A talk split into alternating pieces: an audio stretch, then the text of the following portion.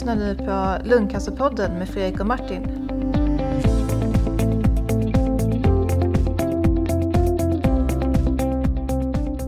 Hej och välkomna till Lungcancerpodden. Ja, nu är vi tillbaka efter en lång, lång sommar. En, helt underbar sommar. Hur var det för dig Martin?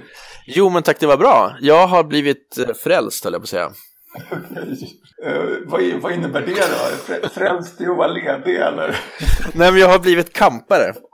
Um, ja, vi hade liksom så här lite funderingar på vad vi skulle göra över sommaren och vi har alltid åkt upp till Norrland och varit uppe på vårt sommarställe i liksom ja, fem veckor så där hela semestern. Och sen så kände vi i år att vi ville göra någonting som liksom var lite mera äventyrligt. Så då så lite grann sådär som ett hugskott så köpte vi en gammal husvagn. Eh, en Cabby 440 DL om det säger någonting. Eh, inte så mycket. Eh, nej, det gjorde det inte för mig heller. Jag har typ aldrig satt min fot i en husvagn förut och kanske om jag ska vara ärlig eh, varit lite misstänksam mot hela liksom, husvagnsgrejen. Eh, Men eh, vi köpte i alla fall den där gamla eh, klassikern och eh, ja, jag piffade till den lite grann, bytte däck och hade mig. Eh, och sen så brände vi iväg på en roadtrip med husvagn och två av tre barn följde med. Eh, ner till Danmark och så lite bad och Legoland och sånt där och så vidare efter tyska nordkusten. Helt fantastiskt häftigt. Lite halvsumpigt väder så att eh, det var, det var väl så, så att vi var lite själva på stranden ibland och så. Men eh, det var helt okej, okay. man kunde bada och, och ha det mysigt. Och sen så äta massa god tysk mat och sen så hade vi som mål att komma till Berlin. Vi sa att så här, ja, det blir väl förmodligen kanske inte så, men om vi liksom tycker att det är lajban så åker vi dit. Och vi tyckte det var så lajban så vi brände ner till Berlin och så satt vi där i tre dagar. Wow. Eh, och var inne i stan och var lite utanför stan och sådär. Men skitroligt, så jäkla mysigt att vara på campingar och jätteroligt att liksom släpa, man kände sig som en snigel. Man körde jättelångsamt, folk var förmodligen jättearga på en på vägarna. Och så hade man sitt lilla hus där bakom där man liksom visste att man hade lite smaskiga liksom korvar och öl och spel och saker sådär. Nej, så att eh, som sagt, eh, jag vet inte, det är kanske inte den traditionella frälsningen, men, men jag känner så här, jag är fan kampare. Så jag, eh, nästa år är målet att antingen åka till Kroatien eller ta färjan från Danmark till Island och liksom åka omkring på Island. Wow, vad häftigt! ja, visst låter det små lattjo. Så jag rekommenderar alltså hitta en begagnad gammal husvagn och eh, det, dessutom så är det skitkul för att det är som att ha en liten lägenhet som man inte behöver liksom vara sådär hundraprocentigt pietetsfull med utan man kan liksom sådär här, äh, tweaka den på ett lite så här, äh, så här, det skulle vara schysst att ha lite så här äh, LED-lampor på ett sätt som är lite så här tveksamt om man skulle ha hemma, men funkar då ska man vara så här nöjd att man har gjort en liten dragning och så. Så det är liksom ett pyssel på ett mysigt sätt. okay. Roligt. Det låter ungefär som en båt, eller ungefär samma. Ja, ungefär som båt, fast lite mer praktiskt för man kan liksom ja, släpa den lite mer dit man vill sådär. Båt går ju så jäkla långsamt och så. så jag, jag, har alltid varit en båtsnubbe liksom och tänkt att båt är min grej. Men just nu så känner jag mig mer landbunden faktiskt. Det bästa är väl att ha både och antar jag, men ja. ja, ja eh, sen får vi se, jag, jag, är en smula flackande i mina intressen så det är möjligt att, att eh, det här campinglivet eh, ja, eh, liksom tacklar av här på sikt. Men det känns just nu känner jag mig så här, jag ska fan köpa träningsoverall liksom. Ja. Alla ska ha likadana träningsoveraller ja. Absolut, absolut ja. Det är det, jag måste bara hitta rätta liksom sorten, helst på någon sån här typ dollarstore eller någonting. Just det. Till hela familjen. det var Galenskaparna After Shave som gjorde den där, jag ska ha, man ska ha husvagn, eller hur? Ja, precis. Det måste vi um, länka till. Ja, vi får göra det. Jaha, men själv då? Hur har sommaren varit? Det har varit bra. Det har varit eh, upp och ner höll jag på att säga. Men vi, först vi inledde ju sommaren där faktiskt med att köra det här stora avsnittet i Almedalen med Lundcancerpodden. Ehm, och det var ju grymt roligt. Och, ja, där kunde ju du tyvärr inte äh, delta där. Men, men, Nej, jag missade det. Det var tråkigt. Ja, men Mikael Johansson där som äh, också är rätt så sylvass får man säga. Han, han, han var jäkligt duktig på, på att hålla, vad säger man, skeppet uppe. Verkligen. Jag känner mig ju, hade det inte varit för att vi liksom är ett gammalt radarpar så känns det som att han hade kunnat putta ut mig från det här. ja, men så det var roligt. Det var en, en bra start på sommaren. Men sen så, och sen så hade vi lite semester sådär.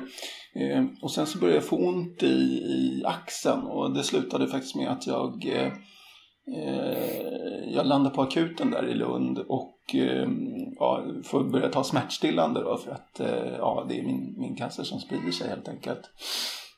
och, så att, och jag har bytt behandling nu efter, efter sommaren och så och mm. går nu på en, i min studie och går på en ny TKI som heter osimertinib.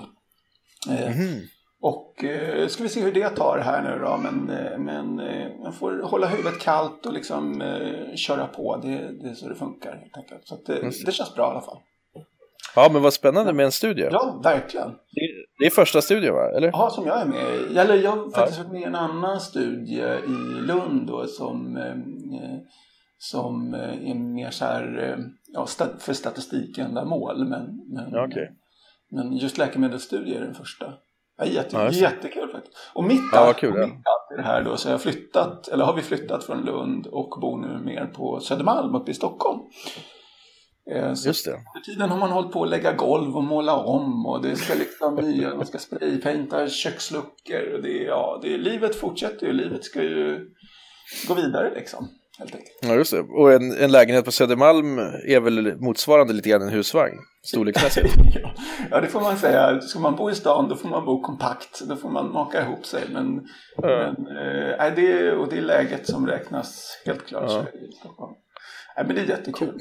Det är jättebra här. Att, äh, men har du hunnit med någon semester då?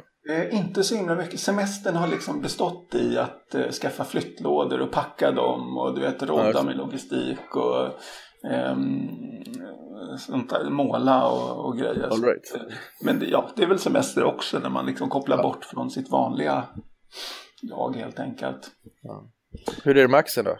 Eh, det är fortfarande så att jag går på smärtstillande då, men, men nu har jag bara varit på den här smärtan i två veckor så att vi får väl se mm.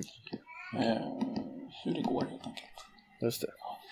Ja, fan, vi håller alla tummar tror jag. Hela, hela Sverige. Ja, just det. Ja, det ska nog gå bra. Eh, men annars tycker jag att sommaren har varit, eh, den har varit bättre här, här i Stockholm tror jag än vad den var nere i Skåne. För i Skåne var det väldigt regnig sommar. Ja, okej. Okay. För jag har hört att det har varit bra på liksom så vissa platser. Uppsala har jag inte varit i så mycket så jag kan inte svara på det. Men uppe i Norrland så var det sådär. Liksom. Ja, okay. Eh, det var några riktigt fina dagar men sen så var det rätt så lite småmulet och, och eh, småhurvet sådär. Ja. Men, men, eh, nej, men det gick att bada. Det var säkert 18 grader i vattnet ibland. Okej. man vet att man är viking när liksom, ja. Nej, det där, jag tycker det där, när man var liten då var man ju alltid sådär i plurret alltså. Trots att det var 12-13 grader skulle det badas ja. på sommaren. Liksom ovillkorligen. Och nu ju äldre man har blivit desto högre stiger det där minsta gradantalet man tolererar. Och nu är det nästan sådär 30 liksom får det vara. Annars sitter man hellre och dricker en öl och tittar på de som pinar sig i. Eh, öl och jordnötter är ju för övrigt väldigt bra på stranden. För att säga. Ja, gud vad gott. Parasoll sitta och spela kort. Ja, eller rosévin då möjligen som, som um, i Almedalen. Ja, ja, just det. Absolut. Det blev... men, men, du, har du fått några, re några reaktioner från Almedalen? Och så? Jag tyckte det var ett kanonavsnitt som du och Micke gjorde verkligen. Ja, vi har fått mycket bra återkoppling på det. Att, att eh, folk är glada och sådär. Eh, ja, det blev verkligen bra. Och mm. Vi körde ju en liksom, sammanfattning om eh, eh vad lungcancer är. Och eh, att det inte bara är en sjukdom utan att det är ja, småcellig, icke småcellig och så alla de här mutationerna. Att det inte drabbar bara rökare. Att det, det liksom är fulcancer utan anledning. Jag menar, varför, ska, varför skäms e-, egentligen varför skäms rökare då som får lungcancer när, när det är ingen i, i liksom som får eh, eh, hudcancer som skäms. Menar, och det är ingen som, jag menar, skulle, som äter för mycket kött som skäms över att de får tjocktarmscancer. Eller det är ingen som liksom ska behöva skämmas över att eh, man får eh, alltså, livmoderhalscancer trots att det är ett virus. Jag menar, det, är, mm. det är förlagt det här att, att man ska behöva skämmas för cancer. Och jag tyckte det var så bra en tjej sa att jag tänker fanken inte skämmas för det här utan det är så. Mm. Det är liksom det är en, en bra portion liksom oflax och, och, och eh, yttre faktorer förstås. Mm. Men du, det var faktiskt lite talande kan jag tycka då, för att jag snackade med en, en kvinna som var ganska djupt involverad i eh, koloncancer. Eh, och hon var liksom så lite avundsjuk på oss nu inom lungcancersvängen, att, att vi hade fått så liksom mycket pepp och positiv eh, positiv eh, ja, framåtanda och, och liksom att just det här att, så här, men, att man inte skäms längre på samma sätt. Eh, och att de tyckte att det här behövs ju inom koloncancer också då, som där det tydligen var liksom mera att man ja, tyckte det var eh, pinigt och, och jobbigt och sådär. Och det är ju tror jag första gången jag har hört liksom att någon har sagt så om, om lungcancer, för vi har ju liksom alltid dragits med det här att vi har haft det tuffast och jobbigast och, och varit mest stigmatiserad och sådär. Så det kanske är så att det faktiskt är på gång nu att röra på sig och ja. eh, det känns som det. Ja. Nej, folk, det, det har blivit det. Ja, verkligen. Och folk ska fan inte skämmas för att de får cancer. Det är, en av tre får cancer i sitt liv och det är, ja. det är, liksom, det är fan inget att skämmas för utan det är en sjukdom som ingen skäms för att de får influensan liksom. Herregud. Nej. Nej men så körde vi med det här. Ja, vad sa du? Ja, Word så jag bara, absolut. Definitivt. Man ska inte skämmas för det. Ja. Nej, sen pratar vi lite statistik då förstås. Och att man inte ska liksom se sig själv som statistik. Utan det här är en variation av olika sjukdomar och precis som vilken sjukdom som helst så, så äh, är det liksom, har man olika förutsättningar helt enkelt. Och det är bara i med lite jävlar anamma, lite positiv liksom, äh, tänkande och mindre stress och kom igen nu, kör ni som mm. har den här skiten. Nu, nu tar ni det liksom, det måste ni mm. göra. Eller det ska ni göra. Ja. Och sen så pratar vi stadieindelning då, liksom vad det här är för, eh, vad man använder det till. Och att det liksom, konklusionen där att man ska välja rätt behandling. Att det, mm. det är till för. Och sen så, sen så blev det inte så mycket om just den sista punkten där. Den, för övrigt den här eh, infografiken som, som vi pratar om nu, den, den finns på Lungcancerpoddens hemsida där under Almedalsavsnittet kan ni hitta en länk till den här. Eh, Precis, och det är liksom en sammanfattning av, av, om lungcancer kan man säga, som, som gjordes till, till den här eh, Almedalsprogrammet. exakt, exakt. Eh, och det vi inte pratade så mycket om det var just behandlingsformer. Jag märkte där att jag, det, blir lätt så att jag pratar om, om målstyrd behandling eftersom jag själv har gått på mycket av det och visst, jag, jag har gått på cytostatika också men det blir inte strålning och målstyrd terapi och immunterapi och sådär men tiden, tiden är ju liksom eh, måste klaffa också. Så att, eh, men jag tänkte, mm. vi kan väl köra ett addendum om det nu, liksom behandlingsformer. De här Absolut. operation, strålning, cytostatika, målstyrd terapi och immunterapi i huvudsak som man använder för. Det kan man ju säga. Det är de huvudsakliga behandlingarna.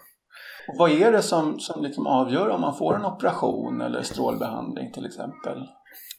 Alltså det är ju liksom eh, en av de mest återkommande frågorna. Att kan man inte operera bort det här eller kan man inte transplantera lungorna eller något sånt där. Eh, och för, för, det som avgör om man kan operera eller inte i de allra, allra flesta fallen det är just det som eh, vi pratar om det här med stadie, alltså hur avancerad är sjukdomen.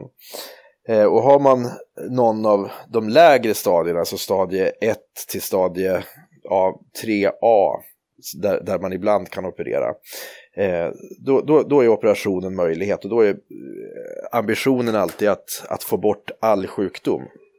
Man har inte kunnat visa eh, inom lungcancer att, att man skulle ha någon eh, nytta av att operera om det är så att man inte känner sig trygg med att man kan få bort all sjukdom. Det finns ett litet undantag och det är stadie 4-sjukdom, alltså eh, den, den spridda sjukdomen. Om man bara ser en, en eller två enstaka spridningslokaler som är eh, utan tecken på någon annan spridning. Då kan man försöka att eh, operera och ge någon form av kurerande behandling mot de metastaserna också då. Och då är det oftast eh, högdos strålbehandling mot till exempel en enstaka metastas i hjärnan eller en enstaka metastas i en binjur eller så. Då har man visat att det finns viss möjlighet att faktiskt kunna bli kurativ även där. Men, men eh, i de allra flesta fallen eh, vid avancerad sjukdom, då, stadie 4 eller stadie 3B-sjukdom, då, då är, eh, är det svårt att, att eh, eh, med operation, eh, att det ska bidra till, till eh, behandlingen i någon nämnvärd utsträckning.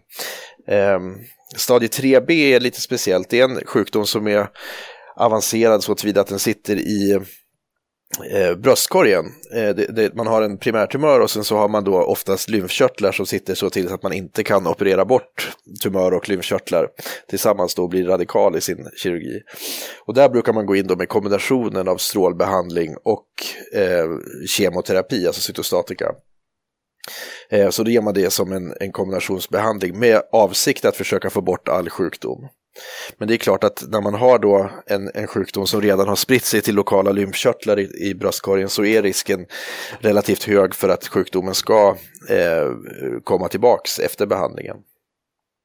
Och sen då vid eh, den allra stora, eller den eh, överväldigande majoriteten vid stadie 4-sjukdom, där man har en spridd sjukdom från början, där man ser metastaser ja, utanför, utanför lungan eller utanför lymf, de lokala lymfkörtlarna.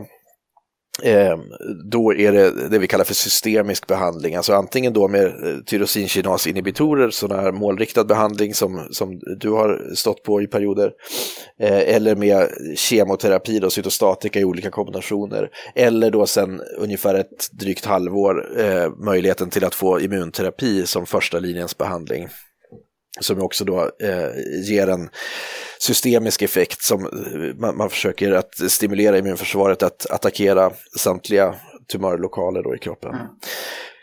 Mm. Um, och sen så är det ju alltid så att vi har ju olika rekommendationer och bland annat så, ehm, eh, ja man kan titta på det nationella vårdprogrammet och man kan titta på internationella vårdprogram.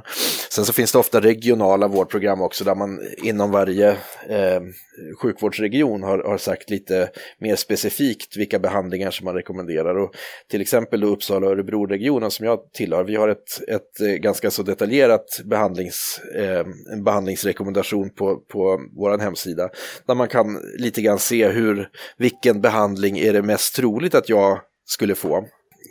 Men sen så gäller det som sagt var utifrån eh, den doktorn som man träffars kunskap och erfarenhet att försöka anpassa den här eh, rekommenderade standardbehandlingen så bra som möjligt till varje enskild patient. För det kan vara att man har nedsatt njurfunktion eller att man har eh, ja, någonting annat som talar för att man ska ha bättre effekt av ett annat upplägg och så vidare. Så att ibland så går man ju utanför den här rekommendationen naturligtvis. Just det. Så man måste vara lite agil som läkare och liksom kunna fle lite flexibel. Absolut, alltså det tror jag är A och O egentligen. Att, man, att sitta och bara använda kokböcker, då, ja, då, blir, då blir det ju som när man lagar mat. Att, ja, då får man det som kokboken säger. Men eh, risken är att, eh, jag menar om man ja, det här kanske blir en konstig liknelse, men eh, ponera att du ska göra en, en eh, gryta eller någonting i den stilen och sen så eh, gör du precis som kokboken säger, men det visar sig att köttet är liksom sju gånger så segt som det som kokboken använde. Då kommer du få en gryta som inte blir helt perfekt, liksom, utan där måste du ju eh, ha feeling för att äh, men det här köttet verkar ju vara en sån kött som ska koka i åtta timmar längre för att bli bra. Eh, och så får man liksom anpassa receptet lite grann till det. Eh, och så lite grann då, om man kan föra över det där, likna Johan Botlings, eh, eh, Johan Botlings beskrivning av patologi som man liknade vid en leverpastejsmacka. Men eh, ja, eh, man måste, man måste individualisera, det är det som gör att det blir så bra som möjligt och att, att patienten som man, som man samarbetar med, att, att man får så bra effekt och så, förhoppningsvis så lite biverkningar som möjligt. Eh, så att, så att det, det tror jag absolut att man ska bara aktiv med. Just det.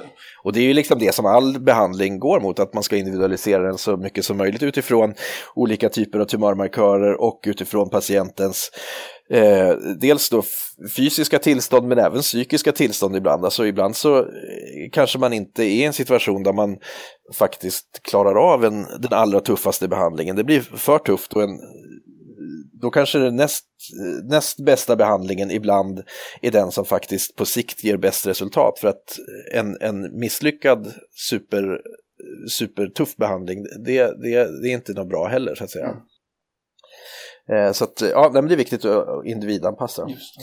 Och nu har det kommit också eh, den sista där, nu har vi röka igenom de här operation, strålning, cytostatika, målstyrterapi. Det, det, är immunterapi och strålning och immunterapi där har det kommit faktiskt eh, så att man kan få det som första linjens behandling nu va? Precis. Eh, sen eh, i början på 2017 så är det ju godkänt då med eh, PD1-hämning, en typ av immunterapi i första linjen om man har ett PDL1-uttryck som det kallas, en, en, eh, ett protein som sitter på tumören eh, som är till för att, att eh, hämma immunförsvaret. Om det, man har ett uttryck av det här proteinet på över 50 procent, då har man sett att immunterapi har bättre effekt och mindre biverkningar än eh, traditionell cytostatika i första linjen.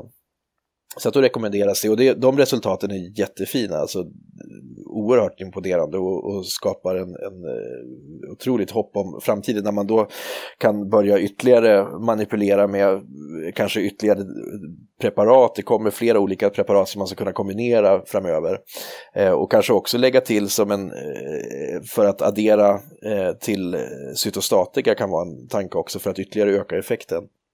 Man ger cytostatika och immunterapi samtidigt. Kan vara en väg att gå. Så att det är flera olika saker som testas nu. Det är, det är fantastiskt. Och jag tycker nu har vi ändå liksom kommit igenom de här behandlingsformerna eh, bra, det avsnittet. Och vad vi hade tänkt att prata på Almedalen. Men som sagt, vi drog iväg i tid. Så nu tycker jag vi lämnar det. Men det var spännande att höra den här lungcancerbehandlingen jämfört med en köttgryta då. Ja, just det. Ja, men det är ungefär, ungefär eh, likvärdigt. Nej, det är inte. Utan det, det är ju självklart väldigt mycket mer komplext och, och betydelsefullt än en köttgryta. Låt Johan Botling veta att det var inte så dumt med det här smörgåsexemplet. Heller. Nej, nej, precis. Nej, nej, men det har jag sagt jag, gånger flera till honom. Jag är mycket imponerad över hans eh, smörgåsexempel. Men, eh, nej men, och jag tycker vi, kan, vi skulle kunna ha ett avsnitt här igen för att som vi har konstaterat, nu har vi hållit på att sända det här i ett år ungefär, va? drygt, Lungcancerpodden. Ja, visst. Visst firar vi ett år, eller det gjorde vi för något, någon månad sedan. Ja, ja, just absolut. Och idag firar vi avsnitt 40. Ja, det är helt otroligt. Ja, det är otroligt. Eh, men, men vi skulle ju, som sagt, det har hänt en del på det här sista året eh, och vi skulle kunna ha en lite mera fokuserat behandlingsavsnitt eh, här framöver under hösten. Verkligen. För det kommer hända en hel del. Verkligen. Så, så lyssnare, skriv in vilken behandling ni har. Kommentera vilt och bara mejla oss. Eh, så kan vi väl eh, liksom eh, ta det anonymt, lite olika eh, behandlingar som folk har och sådär och, och, bara prata omkring. För det är ju spännande att höra vad andra går på för, för typer av kombos. Och det lär väl finnas många va, eller är det så? Det finns en hel del. Jag lägger in en liten brasklapp här, mm. att vi kommer ju inte att kommentera eh, liksom lämpligheten i val etc. Utan det, det görs alltid av den behandlande läkaren och så. Men man kan diskutera lite grann kring ja, hur olika terapier kanske kan förväntas fungera och, och sådär. Ja. Så det blir liksom inga, det blir ingen direkt frågelåda, men det blir lite grann, vi får se det som inspiration till ja, programmet vill jag bara säga för att inte liksom alldeles eh, ja, lova för mycket. Jag förstår. Ja, men det var ju mer en tanke från mig att, att få reda ja. på, liksom få in massa olika eh, kombinationer som finns som folk eh, kör. Liksom. Det vore spännande. Själv, själv ja. blir man rätt trångsynt på sin, sin egen. Liksom, sådär. Så mm. Det vore jättespännande. Och det är så kul med faktiskt det här att det är ju som någon sorts, för, för min del i alla fall, en skräckblandad förtjusning att, att det finns så många olika alternativ hela tiden. Att när det ena inte funkar då finns det något annat och så liksom, ja.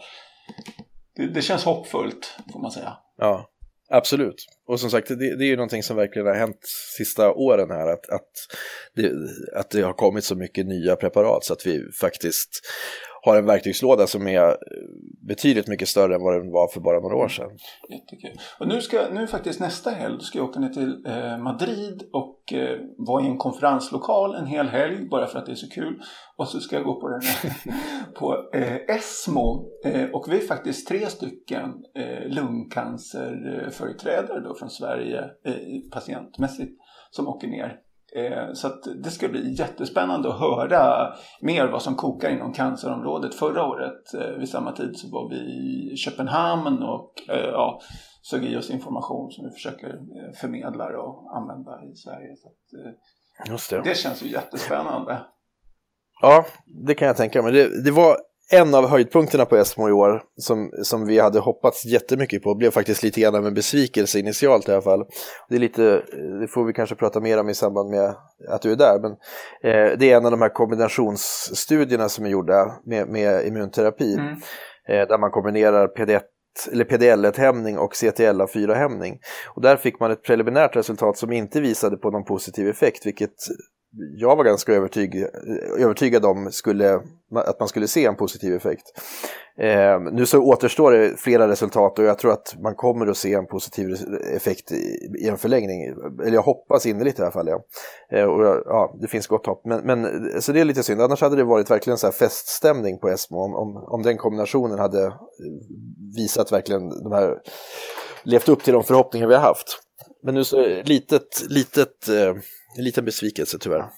Så kan det vara ibland. Men, ja. men, eh, men, det kommer komma andra spännande saker, ja. så vi, det kommer bli jättekul. Definitivt. Och, och sen så i månaden efter, då sticker du till Japan va? Ja, just det. Precis. Ja, det ska bli jättekul. Det är världskonferensen om lungcancer som går av stapeln i Yokohama. Mm. Eh, så där ska vi hänga och liksom frottera oss med lungcancereliten internationellt och eh, förhoppningsvis få eh, ta med oss massa nya kunskaper hem eh, och, och förbättrade möjligheter till behandling. Så det ska bli eh, superspännande. Vi har faktiskt två stycken abstract eh, som vi tar med oss också på, på studier.